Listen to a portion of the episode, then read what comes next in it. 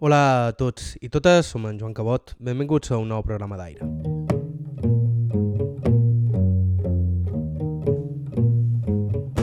Sovint ens trobam amb testimonis d'una generació nascuda després de la Guerra Civil i que ja no en va patir les conseqüències de manera directa, però que així i tot va fer cert esforç per comprendre el món del que provenia. Sol ser gent lligada a la terra, d'orígens humils, però amb uns pares que varen fer un gran esforç per donar-los un futur, uns estudis i una formació perquè tinguessin un ofici que els tragués de la pagesia. De fet, son pare de Pep Llampiner, de Maria de la Salut, ho tenia ben clar. Mon pare de, és un, pere, un, un pelegrí, de, un peregrí, un pelegrí. De, seràs un pelegrí si, si te fas per allà. Per ja, li de, ja m'agrada mon pare sobretot si tenia una guardeta d'ovelles, això sempre li demanava una guardeta d'ovelles.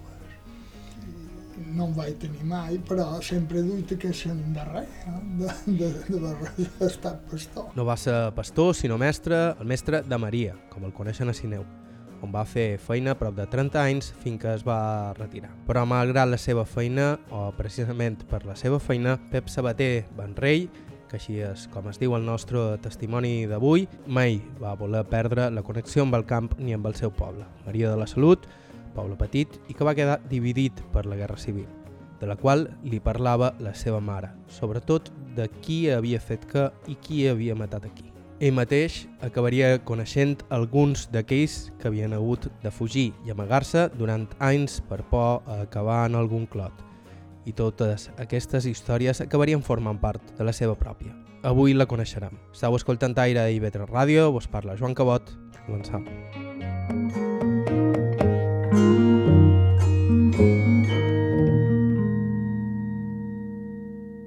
I ho feim amb Pep Llampiner assegut al porxo del seu bocí, a les afores de Maria. Ell mateix es presenta. Bé, jo no, eh, Josep o Pep Sabater Benrell, de mon nom me diuen en Pep Llampiner, i vaig néixer dia 4 de gener del 42, a Maria de la Salut.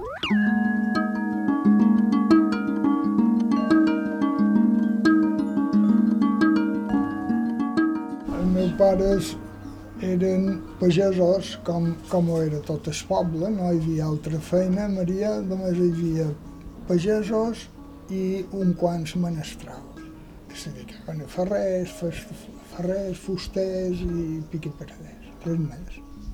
No hi havia altra vida.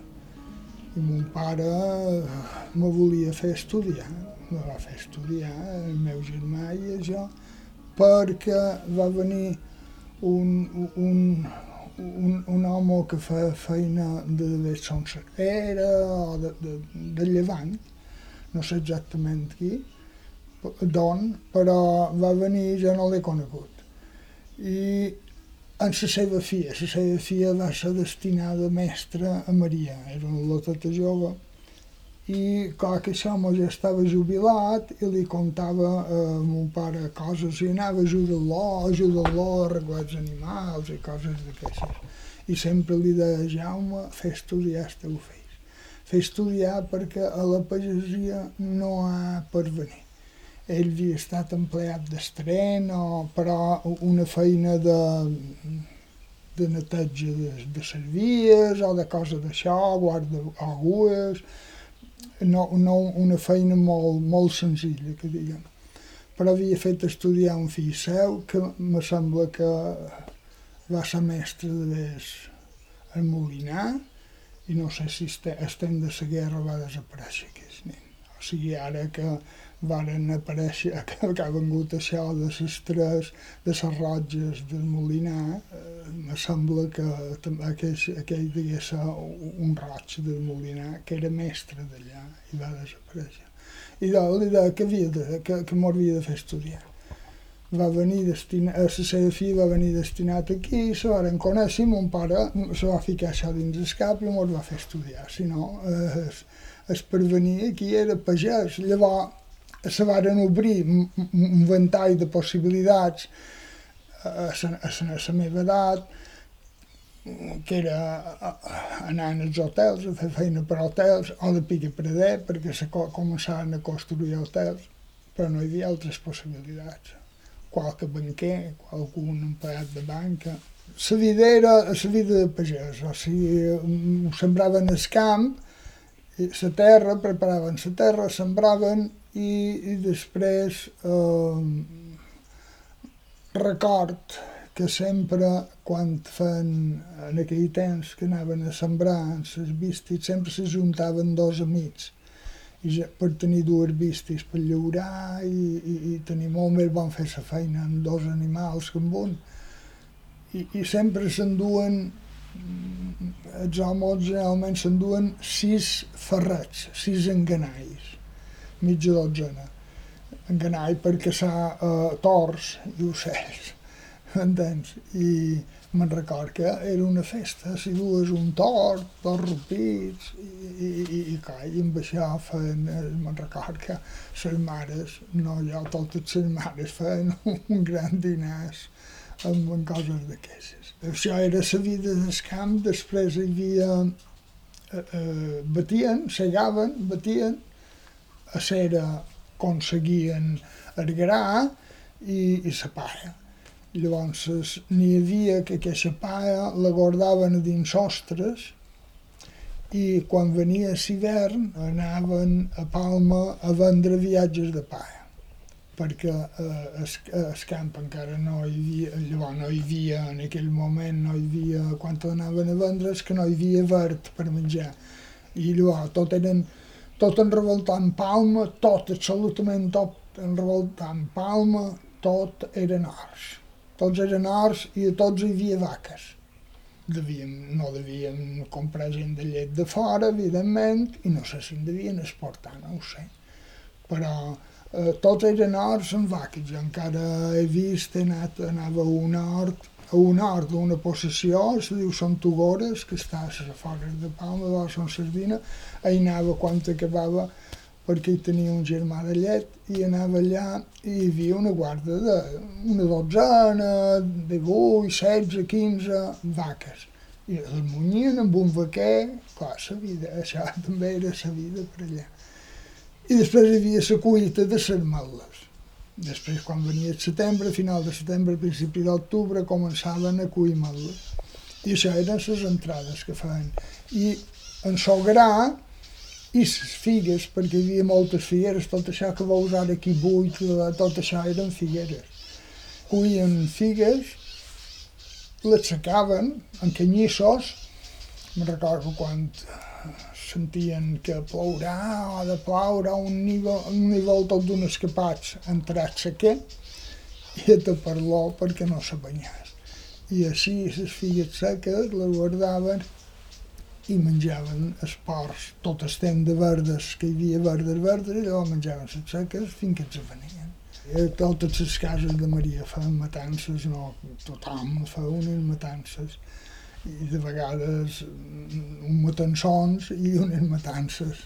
Sí, i, i era el moment que se reunia tota la família, els germans, tots, eh, tots la família, que allò eren nombroses, les famílies i, i tota la família ens reuníem, so, fèiem la feina junts eh, durant el dia i al vespre sopàvem i se devia beure un poc i això me'n record que, que sí, i els nens feien fogarons amb batzers, els batzers són eh, va, això que les voreres que teàvem, els nens eh, eh, eh, ho duem allà i, i al mig del carrer pegàvem foc i botàvem un fogaró, fèiem un fogaró com aquí.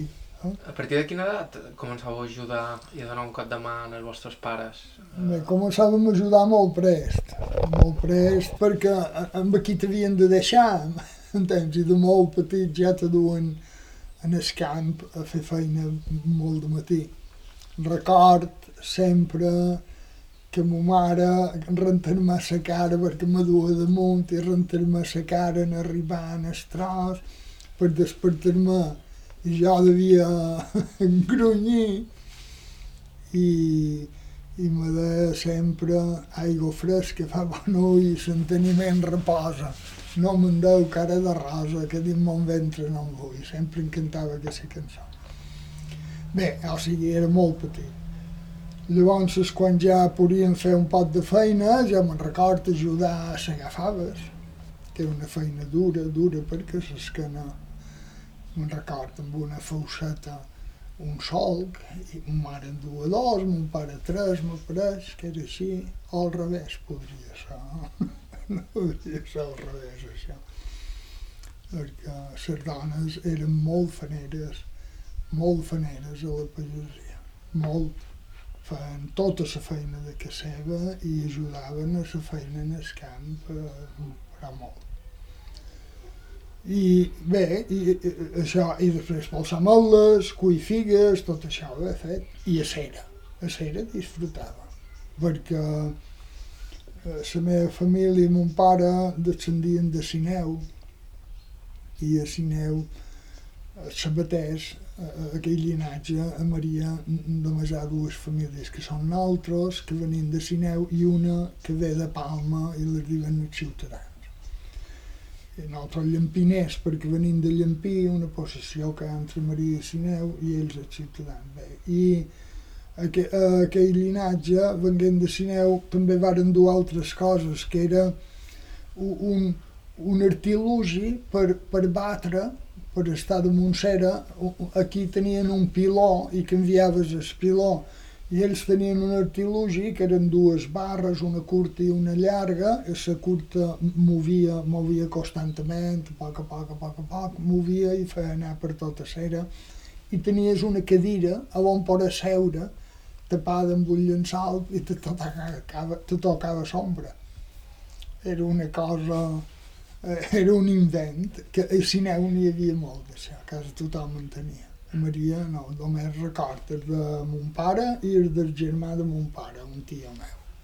I passaves gust de, de Sí, passava gust d'anar a ser molt i de ventar i de d'arerar, traspalar, així com va, anava aprenent coses, anava, eh, me donava més, més feina a mon pare, així com jo la volia fer, ell me'n donava, jo disfrutava de fer aquesta feina. Quant de temps vols dur jo, el teu germà i tu? Vuit anys, sí, perquè entremig hi va haver dues nines que varen morir totes dues mm, de pulmonia quan tenien 6 o 7 mesos. Va, allò, en aquell temps sabeu que la pulmonia era una cosa seriosa, bo, llavors encara ara, però, però allò, ara a mitjans allò no n'hi havia. I, clar, i moriren totes dues. De fet, tu vas néixer eh, en els anys de la fam, que sí. se diuen. Sí, sí però eh, els, els pagesos, no, no, de tot el que produïa el camp, en, en teníem. I, i no, no cercàvem més coses, no necessitàvem pràcticament res més. Fèiem una pastarada de pa cada setmana, pastàvem en el forn, fèiem pa per tota la setmana, i, i llavors sempre o una coca o coca rais o, o, o ara jo què sé, record encara les coquetes frites, si sobrava pasta, les fregien el mateix dia i menjaves pa frit. Sí, no, no, no s'atudava res, com ara no s'hauria d'atudar res. El menjar és un, un temps era un pecat estirar menjar, era, era una cosa monstruosa, no, no, no se concebia inclús quan te quedes pa, el aixecaves, el, besa, el, li pegaves un buf i el besaves, el pa, no, no, no el deixaves en terra, si que l'aprofitaves, era, una, era un bé escàs. Hi havia un pot d'estrapel·lo, l'estrapel·lo pràcticament la gent normal no, no feia estrapel·lo, el que passa és que sí que venia un pot de blat d'estrapel·lo el venia fora de, de, del circuit que diguem que t'havia assignat el govern. El, el govern t'havia assignat, segons el que tenia sembrat, un, un, una quantitat de quilos i si en més, llavors aquell mes eh, eh, eh, generalment els venies de, de, per un altre circuit, que diguem. I compraves oli, te servien per comprar oli, que aquí no en teníem i sucre, bueno, el sucre i la sal i les quatre coses que compràvem i arròs. Els fideus els feies tu. Hi havia dues cases que hi havia un torn i, i, i encara ara ens diuen cas fidever i, i que amb aquell torn produïen fideus i burbaes.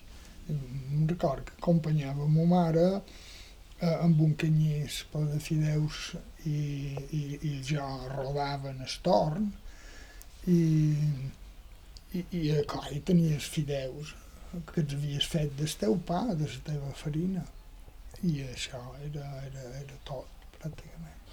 I els vostres pares com eren de caràcter? Bé, ma mare era com totes les mares. ja que t'he de dir, una, dona excel·lent, fanerament no vorà, que estimava la cura a la seva família. Sí. I mon pare era un poc més sèrio, però també era molt bona persona i molt bé. Jo tenc records agradables de, de, de mon pare i de mon mare i no, pràcticament no en tenc cap de desagradable d'ells. No, sempre, i encara ara, encara ara no fa molt, xerrant amb una persona ja gran també, li vaig dir, dir quan sa mort, sobretot ta mare, sobretot ta mare, però quan sa mare els teus pares, pareix que tant com a despullat, te falta qualque cosa, quan, quan tens son pare i ta mare, te sents protegit, te sents que hi ha qualcú que t'estima, qualcú que te... Ara quan te, te, te falta, arriba un moment que, clar, això ho supleix, perquè llavors molt de bé tens la dona, tens els teus fills, i com m'ha passat a jo, i mira.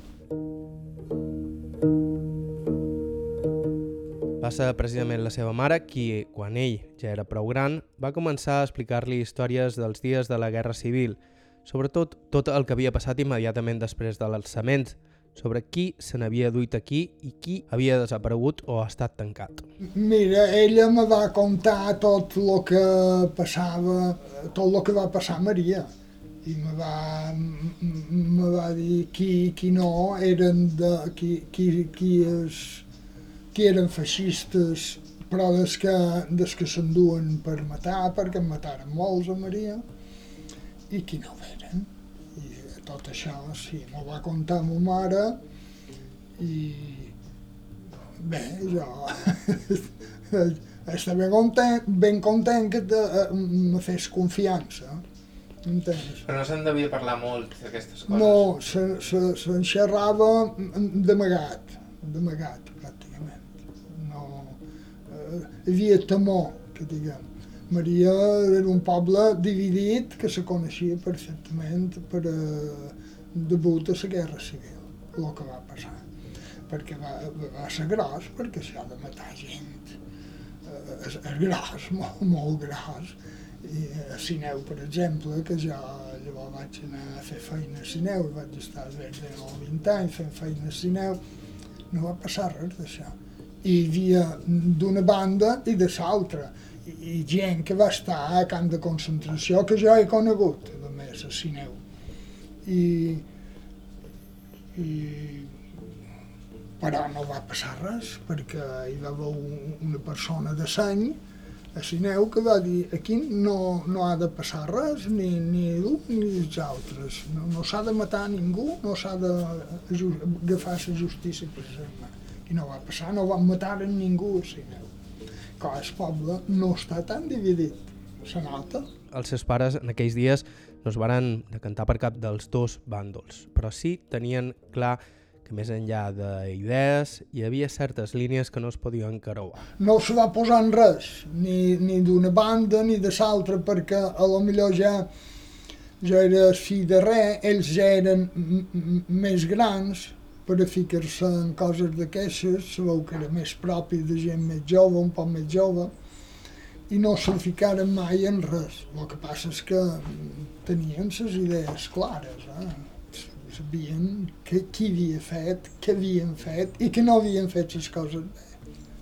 I prova d'això és que quasi tots a Maria, quasi tots els que participaren en això moriren bastant solitaris i rebutjats encara per, per la gent.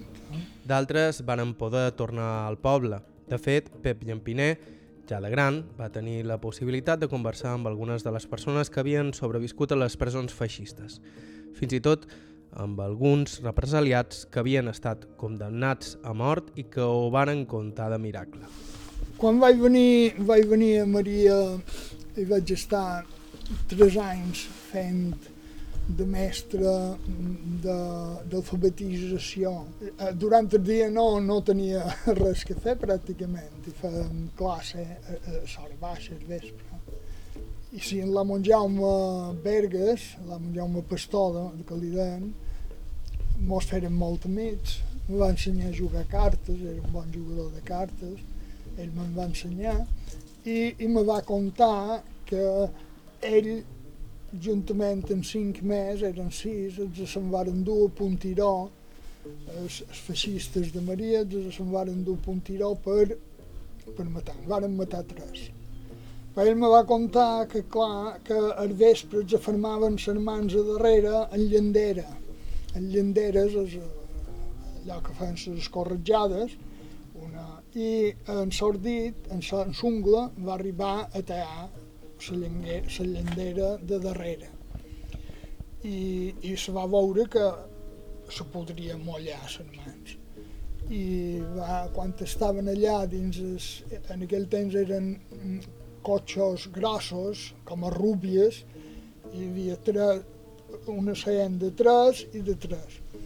I els tres primers els varen matar, que varen ser aquells que després varen dur els republicans que varen dur, que van ser els tres que varen dur aquí, i els altres tres que quedaren se salvaren perquè la Montjaume, que s'havia mollat ja de, de les mans, quan el feixista va obrir espany de, de la porta, va pegar una cosa forta a la porta i el va tirar d'esquena.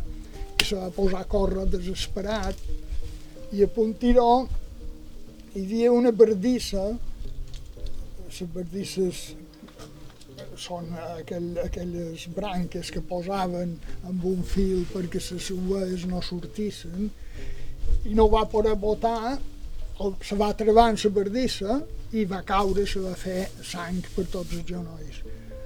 Però ell va seguir i se va amagar dins una mata i els feixistes hi anaren en piles i deien està ferit, està ferit, aquí hi ha sang, està ferit perquè li dispararen, però no, no l'havien ferit. I va seguir, va, va, va continuar i no se va aturar fins a Falanich. A Falanich ell coneixia una família perquè havia anat a tenir un tractor gros per sembrar vinya, que fa uns sols molt grossos per sembrar vinya, i havia anat a fer feina allà i va anar a demanar ajuda. Li varen donar ajuda momentània, però van dir, Jaume, te n'has d'anar, perquè si mos agafen. I va venir cap a Maria. Quan va ser Maria, va anar a una tia seva, que li deien la tia de Recol, i d'ell, que era casada amb un feixista. I va anar al sostre de que la tia, i quan va veure que el tio s'havia anat, o per una reunió en el cafè, va sortir a la tia. I clar, i sempre hem sentit a dir que val més a la parent de la cussa que d'esca, eh? sempre, de molt. I, i clar, la tia, Jaume, què fas per aquí? I va dir, diu, m'han cercat, però ara m'aniré i heu de, heu, heu de dir a la meva dona que cada un parell de dies a tal banda ell tenia unes terres per Son Vall Fogó, entre Maria i Sineu, diu, a tal banda m'ha de dur un pa i un pot, un pot de sobrassada, un poc per menjar.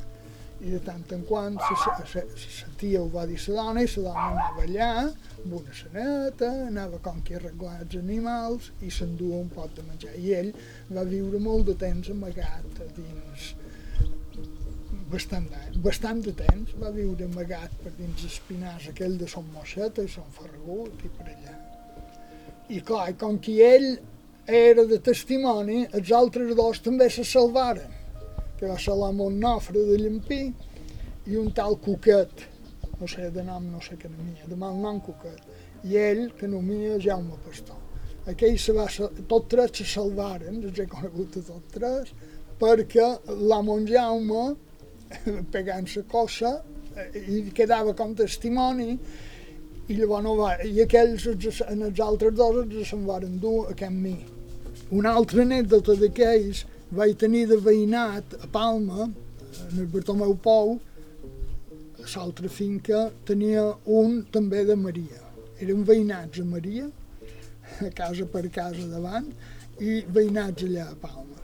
I aquest, la Montperico, me contà que ell tenia un cafè a la costa de l'Església de Maria, estem, de, estem del moviment, i en, eh, un dia hi va anar el seu fill, en Joan, que li va ser apotecari, eh, en Joan hi va anar i va dir, mare, he vengut aquell home amb les botates i polaines i la pistola. I la mare va dir, diu, quin... Bé, i, i era el llebre. El Llebre era un falangista de qualque poble, tampoc no fos de Sant Joan, no ho sé, però de qualque poble de per aquí, que venia a cercar de Maria que s'enduen, m'entens? I de Maria devien anar en els pobles, altres pobles, no ho sé. Però el Llebre li deien. I, i, el, i li va dir, li va dir això, i me la Joana Maria, la seva dona, li va dir Perico, vés-te'n, vés-te'n, ja tenien planejat si s'havia d'anar i se'n va anar a un cunyat seu, que era paoler com mon pare també, i, i se va amagar dins la caixa d'escarro davall el llençol de paia i el se'n va dur a Palma. I quan va a Palma se'n va anar tot d'una la Montperico en el requetès, a llistar-se com a voluntari. Se va llistar de requeter i, i clar, ells tots contents, els requeters el, el vestiren de requeter i una pistola i tal, i va anar en el tren molt de dies esperant els feixistes de Maria que el volien, el volien, el volien matar, espera l'or, diu, i li hagués pegat un tir, diu, però jo també m'haguessin, però en aquell moment estava, li va anar molt bé, aquest home llavors i va ser secretari de jutjat i va ser una persona se'n va anar, va estar pres llavors tots aquells arribaren a estar a camp de, a camp de, de concentració, a camps de, de prisioners i aquells va estar amb un de Devesels i que tenia espardenyes, negoci d'espardenyes i aquí també va muntar un negoci d'espardenyes i, i va fer, va fer, va fer molt de dobbes aquest home. Era Josep Sabater Benrei, Pep Llampiner, nascut a Maria de la Salut el 1942. En uns segons continuem amb la seva història. Estau escoltant Aire a IB3 Ràdio, feim una breu pausa i continuem.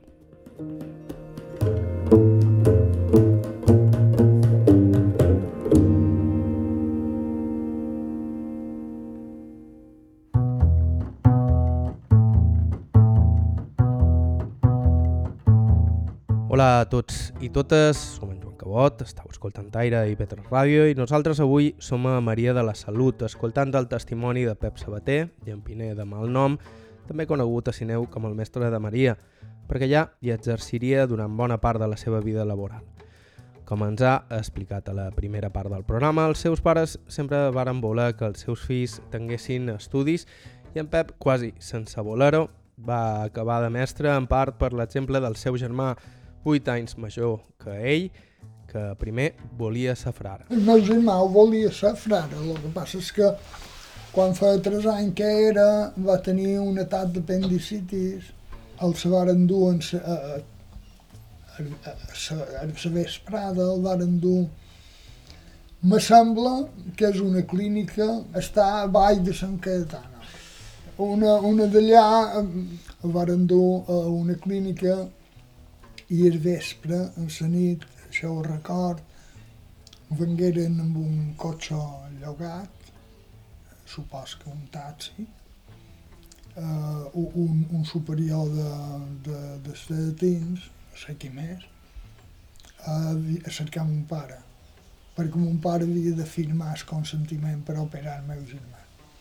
Mon pare se'n va anar amb ells i va, clar, va, firmar, va signar l'endemà de matí, però ja era quan els metges van tornar van dir massa tard, ja no podem operar. Ara s'ha de curar per si mateix i va estar 40 dies aquí a Can Nostra, a Maria, amb una bossa de gel a damunt l'apendicitis sempre. Va perdre els cabells, va perdre quasi el caminar, bé, 40 dies, i, i, però se va salvar. Quan va estar bo, mon pare va agafar els trastos, me sembla que tenia el número 47, que era el número de la seva habitació, i, i totes les prendes seves tenien el número 47, me sembla. I en els teatins, el se'n va dur en els teatins, i, i quan, quan varen assallar no el varen admetre. El varen admetre perquè li varen dir podria ser que que lot fos malaltís, que fos propens a tenir atac d'apendicitis, diu, i aquí, diu, un, un col·legi de frares o un, un, una comunitat de frares i això, no podem admetre gent que no estigui sana. El meu germà va morir vell a 85 o 6 anys i no va tornar a tenir tant d'apendicitis mai. En què se va dedicar? Era mestre d'escola. Se va estudiar de mestre. I jo també, això me va induir també mon pare a fer-me estudiar de mestre. Pep Llampiner va començar els seus estudis a Maria i després va continuar a Sineu. Ell diu no és que fos un gran estudiant, però sí que sempre va ser molt feiner. Jo eh, sí que vaig ser, vaig, era feiner, i, i llavors si, si, era, si fas la feina ets normal, funciona la mar de bé, no, no, no, no hi havia problema. Jo me'n record que no, no era d'aquells que rebés, no, perquè llavors les castanyes volaven. Eh? A Maria eh, vaig anar fins als 10 anys. Primer vàrem anar, tots anàvem un poc a casa monges. Llavors preníem moltes oracions. Record Sor Maria Rosa, que pegava amb una canya, i, i el Montescap, així, no? I anàvem allà i supòs no, no, no, no me n'he pogut recordar mai on vaig aprendre a llegir. Supos que era de casa monges. Perquè quan vaig anar a l'escola ja, ja sabia llegir. I, i llavors a l'escola, a l'escola anava bé, el que passa és que els matins en el pati mos feien, mos, mos feien un poc feixistes a tots i mos feien cantar aquestes cançons tan, que hi ha de, d'escarasol i muntanyes nevades i coses d'aquestes formats. Arribaven la bandera i, bon, i cap a escola. Mos feien, tota la vida mos feien un poc, mos alliçonaven un poc. Eh?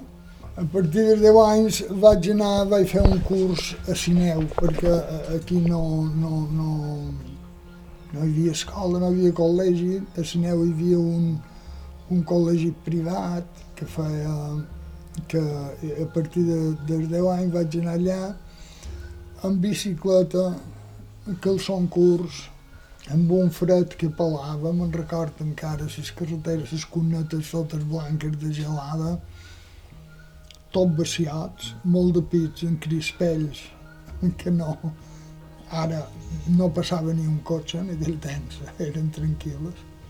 I record que ho passàvem, ho passàvem... Era dur, s'estudiar era dur, era dur. I quan me'n vaig anar a Palma eh, també va seguir sent dur perquè quan venia aquí, que venia un pic cada mes, perquè llavors Palma era lluny de Maria. Eh, no és com ara, que venen cada dia, però era lluny, lluny i car a Senerí. I llavors, eh, quan venia, record que comptava les hores que em quedaven d'estar Maria, perquè eh, el poble treu, això és normal, són tots els al·lots, crec, que ens han posat allà on sigui. Però llavors, quan vaig tenir 14 anys, sigui que vaig començar sortia amb pandilles per, per Palma, amb pandilles de eh? llavors teníem molt més clarmós. Mira, ja em va, ja m'ha agradat Palma i ja tota la vida llavors sempre m'ha agradat i ja no vaig tornar aquí fins que vaig a saber que vaig tenir 40 i pico d'anys. Tu on estudiaves? Jo vaig estudiar en el, en el Ramiro de Maestro, a la plaça dels Toros, a davant la plaça dels Toros. Que hi vaig dir un tramvia que arribava, just davant s'aturava allà.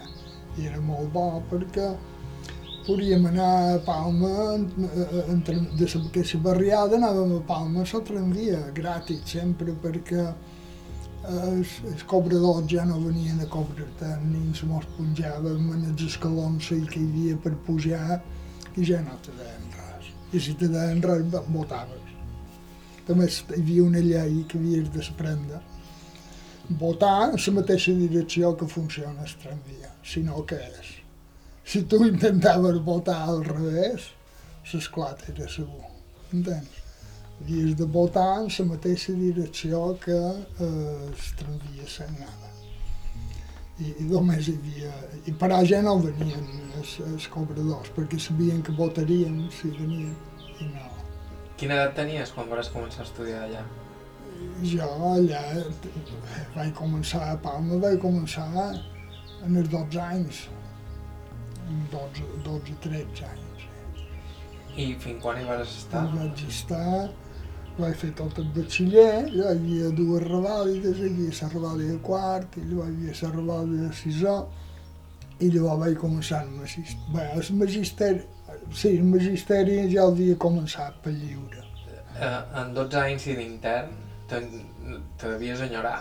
Més. Molt, molt m'enyorava, enyorava molt, però, però clar, estava, de tot d'una vaig estar a un familiar meu, que una germana de mon, de mon pare, i després vaig passar a que una patrona. I sempre estava, estava, vaig estar bé, a Palma, no, no me puc queixar. No hi havia massa diversió, no hi havia massa, però teníem el manco al cine que podíem anar, anàvem sempre als cines, el Capitol, el Dorado, el Metropolitan, aquells cines de barriada d'això, anàvem a veure, sempre hi havia una pel·lícula oeste i una altra, però sempre hi havia. I anàvem allà, eh, que era barat, els dissabtes. A l'escola, eh, a, a, a, a Palma, hi havia una cosa que era com a sagrada, no pegaven, no pegaven a Palma. Entens? Ja era molt, això. Uh, a Sineu, a Sineu era terrible.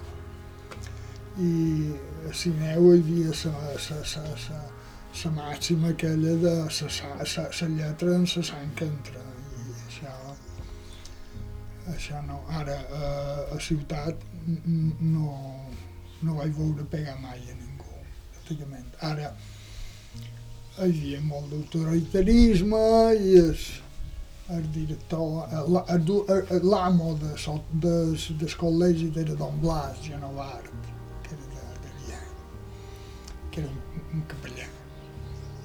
I, bueno, hi havia tot, hi havia... Sí, hi havia una certa disciplina, però no, no, no me costava estudiar, no me va costar mai estudiar, més disfrutava d'estudiar. Record de, un, un record que sempre he tingut és que quan mon pare, mon pare els dissabtes eh, eh, o els divendres a vespre mos solia dur un canastro de trastos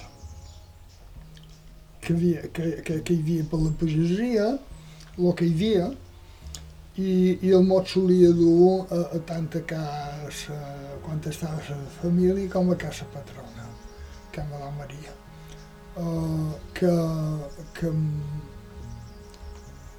que havia duit ell quan venia a vendre pa a, a Palma perquè ell en Sivent, la paia que havien fet tots ja en l'estiu, en Sivent, tot Sivent la venia a Palma el, el, el, el dissabte. El divendres venien posaven en el pes de la pa, bueno, en el pes de la pa, no sé, a on, era aquí, aquí on ara l'estàtua d'Anàlisi Sasso, aquell cavall de la carretera de Manacor, crec que és començament. Allà hi havia com una plaça i allà paraven tots els carros i s'enduen les vistes a l'hostal de Casa Viuda, que era pràcticament a la carretera d'Inca, que és allà on hi ha més o manco, no, no, no, no, més o manco allà on hi havia es, eh, allà on hi ha ara el, el, el, cort, el cort anglès. Sí, que, aquesta sortida de per allà, per allà hi havia un gran claustre, allà hi posaven les vistes allà, a l'esquerra hi havia una, un, un, un quart amb una foganya i allà menjaven eh, el que duen, els homes duen una barxa, en aquell temps duen una barxa feta de llatra i hi duen un canó de sal, una botelleta d'oli, hi duen sempre una grapada dues de figues seques, una grapadeta de bessons de mel·la, i, i llavors estem de seguir mort duen un pot de sobrassada, o llonganissa, de comeat i coses d'aquestes. Després dels seus anys d'estudis, Pep Sabater es convertiria en mestre, sobretot durant molts anys de castellà i sobretot durant molts d'anys a Sineu. Però els primers temps els passaria a la península, escoles catalanes, abans de tornar a Palma per donar classes a Sant Josep Obrer. Jo vaig començar pràcticament de cap al 60, 62, 61, 62, una cosa així. Vaig començar, vaig estar un any eh, en el Priorat, eh, Lloà, Lloà, un poble de... Era un unitari, tots els nins, hi havia dos mestres, un, un, jo i una, i una mestra. Ella tenia les nines, jo el nen, perquè allò no mos podíem mesclar.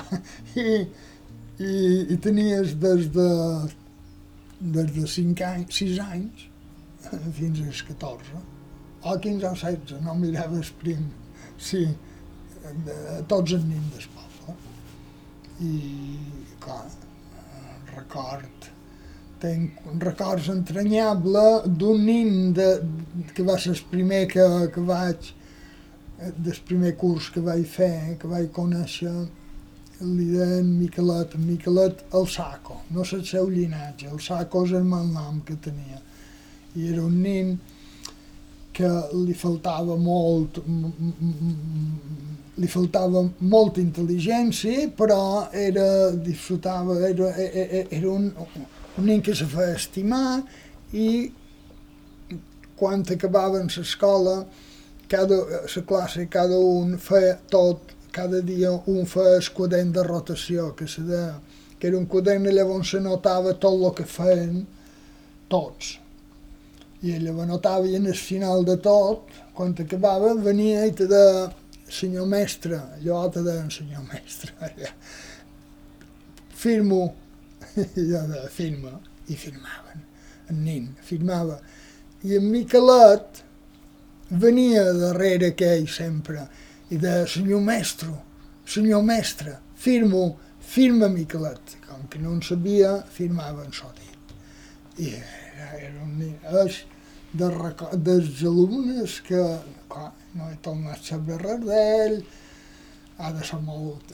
jo, jo era molt jove i ell, eh, ell era molt més que jo, jo però ja ha de ser... Bueno, no sé si viu.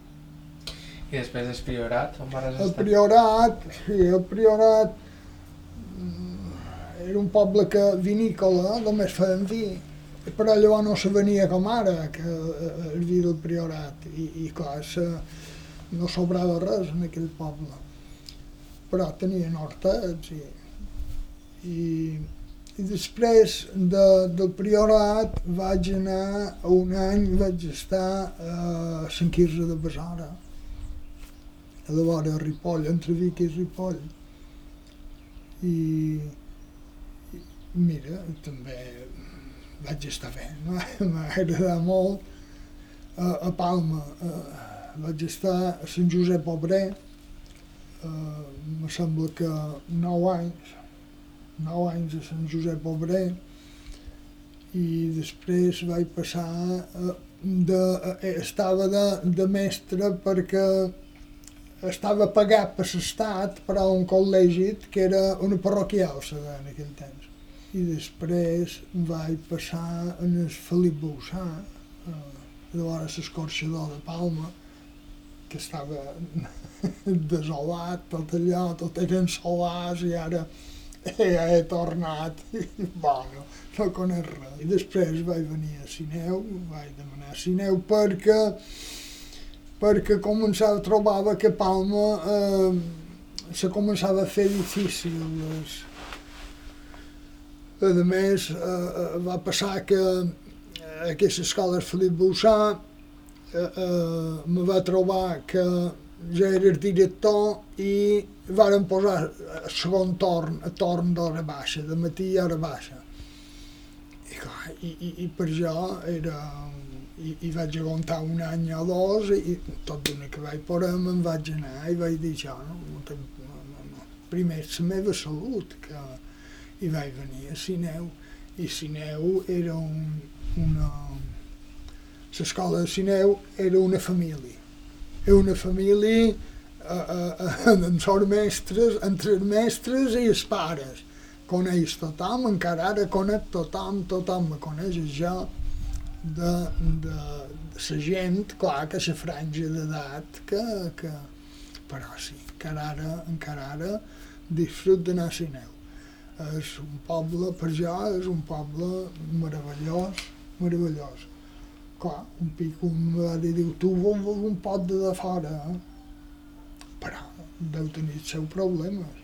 Però, clar, però per jo era un poble meravellós. A més, tenia un celler que baixaves unes escales i jo era dels primers records que tenia amb ma mare que anant al dentista a Sineu, perquè llavors Sineu era un pot la capital d'aquells de, de, de, de, poblets de per aquí. I anant al dentista Sineu i baixàvem en aquell celler a comprar vi de Màlaga.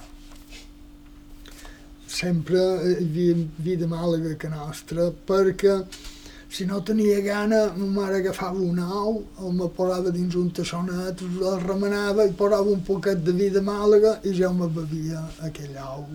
I ja, ja, ja, ja tenia l'aliment, ho entens? I vi de Màlaga era molt bo. I me supos que era mistela, no ho sé. I jo, quan me vaig jubilar, molt de dies, tots hivern, anava uh, en aquell celler a berenar, cada dia. I berenaven els ferrers els fusters, que tots, tots mos coneixien, i, i o, son pare d'un, o el predí de l'altre, sempre berenaves allà, i hi havia una foganya, i torraven el que t'endues, i allà te servien vi, compraves el vi allà. Me'n record que m'enduia qualque llengonissa, com que jo feia matances, qualque llengonissa, i, i si estava un dia o dos a Narí, mmm, la llengonissa del mestre de Maria havia desaparegut. Però, sí, eh?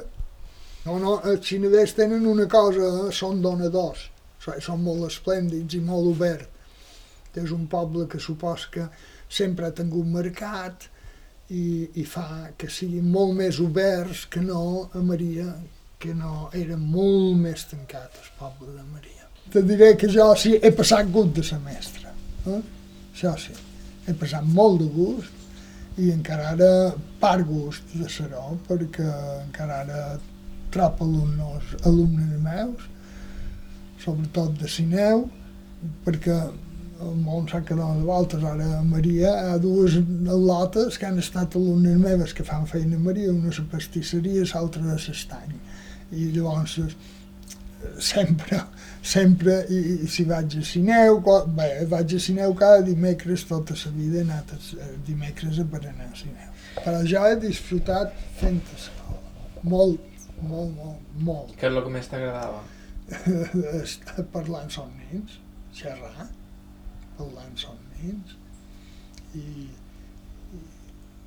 i, i, i encara ara, encara ara disfrut de xerrar amb els que han estat alumnes meus i en trobes per tot, eh? L'altre dia anant en bicicleta, perquè encara vaig en bicicleta, m'anava a Montuïri, i ha Son Ava, que està a Montuïri, bé, però a la carretera, a la carretera, Son Ava, mestre Pep, un, era un que fa un marge, i és un marger que va venir a escola en jo, a Sineu, entens?